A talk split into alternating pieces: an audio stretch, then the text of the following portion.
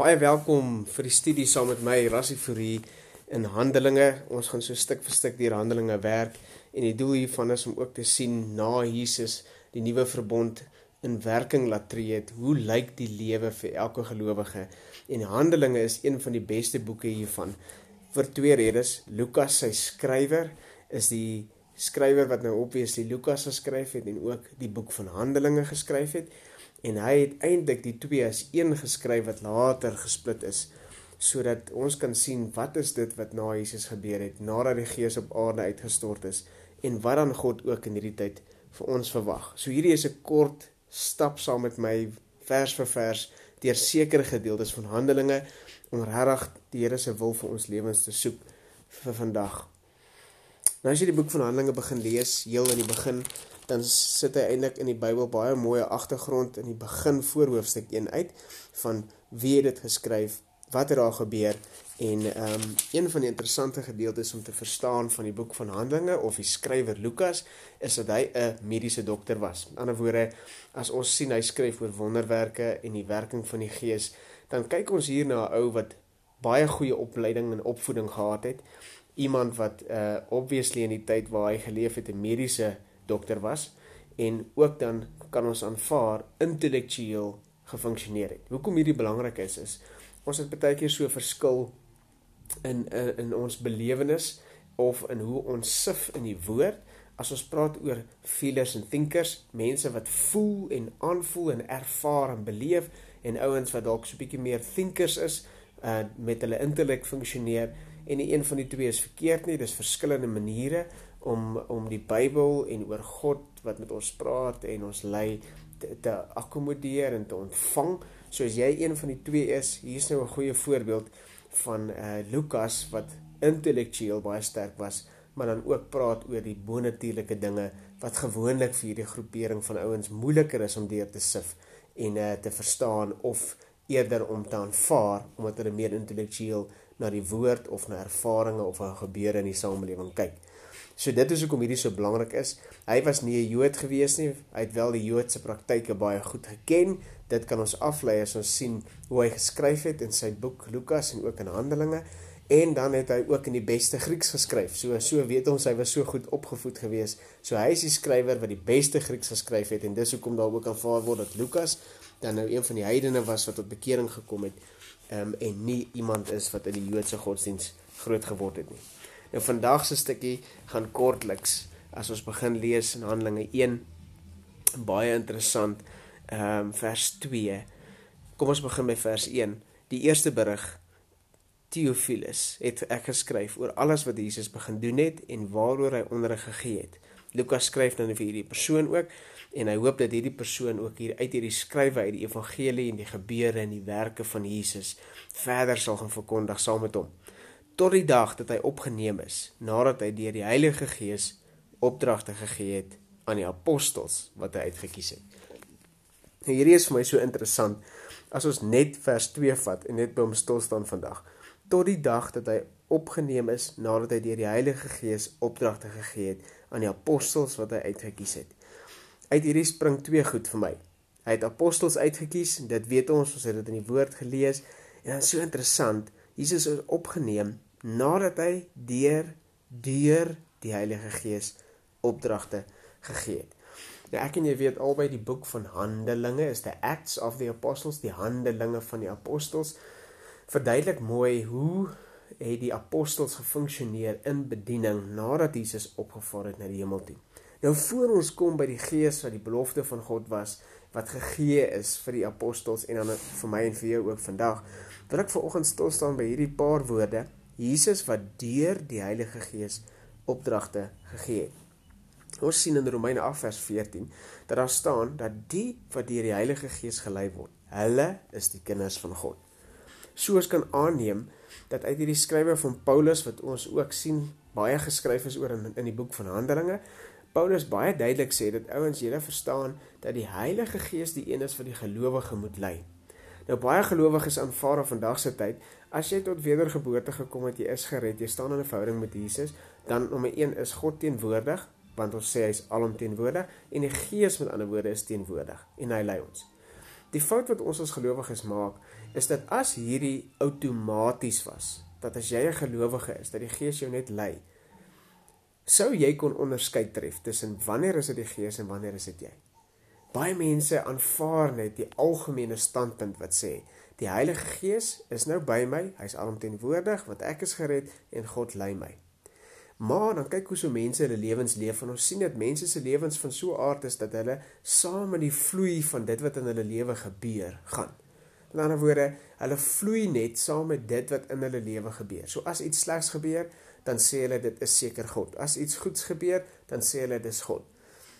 Wat eintlik vir ons baie duidelik wys is dat die mens nog steeds rondgeslinger word deur omstandighede, soms emosies en dit wat met ons gebeur in die lewe. Nou een ding is vas, ek en jy as gelowige gaan deur dieselfde situasies wat mense as mense wat nie gelowiges is nie, maar God het gesê ons is in die wêreld, nie van die wêreld nie. Maar die leiding van die Heilige Gees en die spesifieke tasbare teenwoordigheid van die Heilige Gees soos Jesus beloof het aan sy disippels is nie outomaties nie.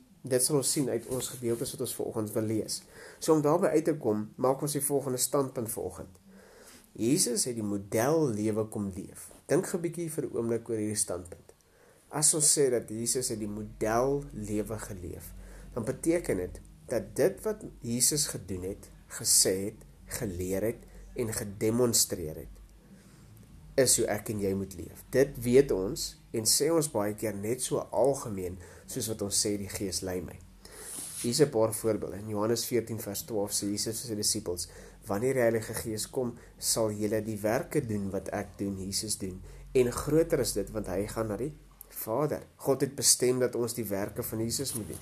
In Johannes 3 vers 16 Jesus het sy lewe neergelê. So moet ons ook ons lewens neerlê vir ons broers.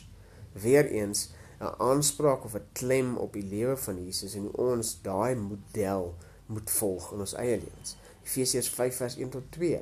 Die engel sê be an imitator of God. Volg God se voorbeeld. En dan staan dan vers 2: Leef in liefde soos Jesus in liefde geleef het. Romeine 8 vers 29. God se kinders is bestem om gelykvormig te word aan die beeld van Jesus, sodat Jesus die eersgebore van baie broers sal wees. So ons moet gelykvorm word, gelykvormig word aan die beeld van Jesus. Johannes 3:34. Jesus is gestuur om God bekend te maak. Ons ook, met ander woorde, ons is geroep om deur ons woorde en dade, ons handelinge God bekend te maak aan die wêreld, want dit is hoekom Jesus gekom het. Die Gees rus op Jesus sonder maat. En hierdie gedeelte is vir my so mooi. Johannes 3 vers 34 sê Jesus is gestuur deur God om God aan die mensdom bekend te maak. En dan baie interessant, dan sê hy die Gees rus op Jesus sonder maat en hy gee ook die Gees sonder maat. Nou Ou Testament profete het slegs 'n maat gehad van die Gees. Dit is oor en oor uh, aanvaar in die Ou Testament skrywers en een van die beste voorbeelde wat ons het hiervan is dat 2 2 Konings 2 vers 9 vra Elia Elisa vir 'n dubbel porsie van die salwing wat Elia gehad het. Met ander woorde daar was slegs 'n gedeelte van die Gees se werking beskikbaar omdat die Gees nie na, soos in die nuwe verbond sonder maat uitgestort is op aarde nie. En dan Lukas 11 uh, eh, vers 5 tot 13 is vir my een van die mooiste voorbeelde hiervan.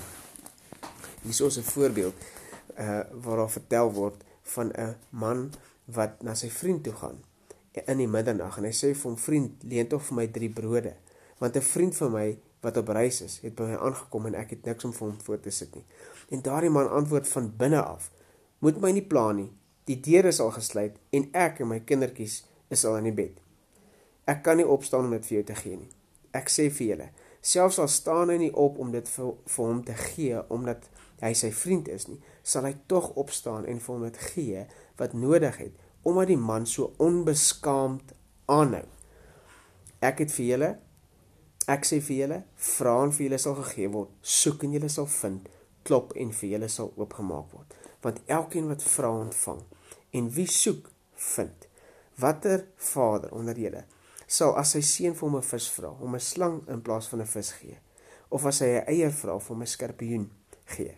As julle wat sleg is dan weet om goeie geskenke aan julle kinders te gee, hoeveel te meer sal die hemelse Vader die Heilige Gees gee aan hulle wat hom vra.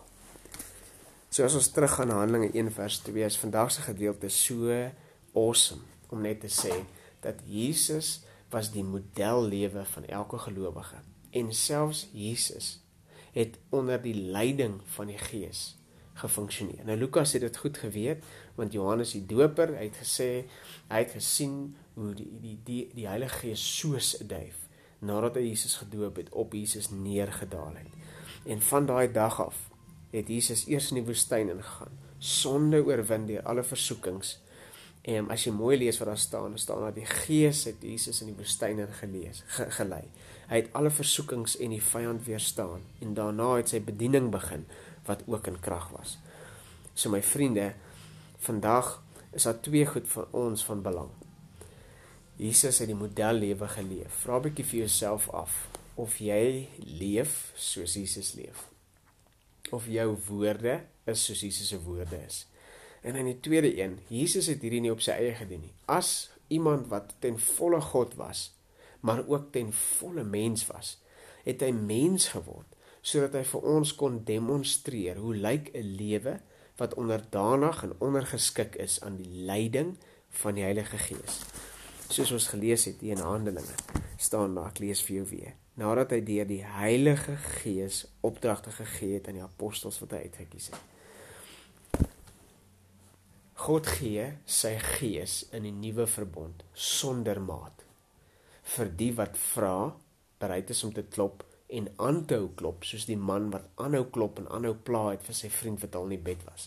Ek dink die punt wat Lukas hier probeer maak is hy sê iemand wat nie net sê Here, ek is gered, dankie dat die Gees by my is, algemene standpunt aanvaar dat God oor die algemeen teenwoordig en leiding gee nie, maar eerder om te sê dat ek raak soos 'n persoon wat my vriend gaan pla in die nag, wat klop by die deur en as my vriend sê nee, aanhou klop om te sê jy's my pel, ek gaan jou aanhou pla want ek het drie brode nodig.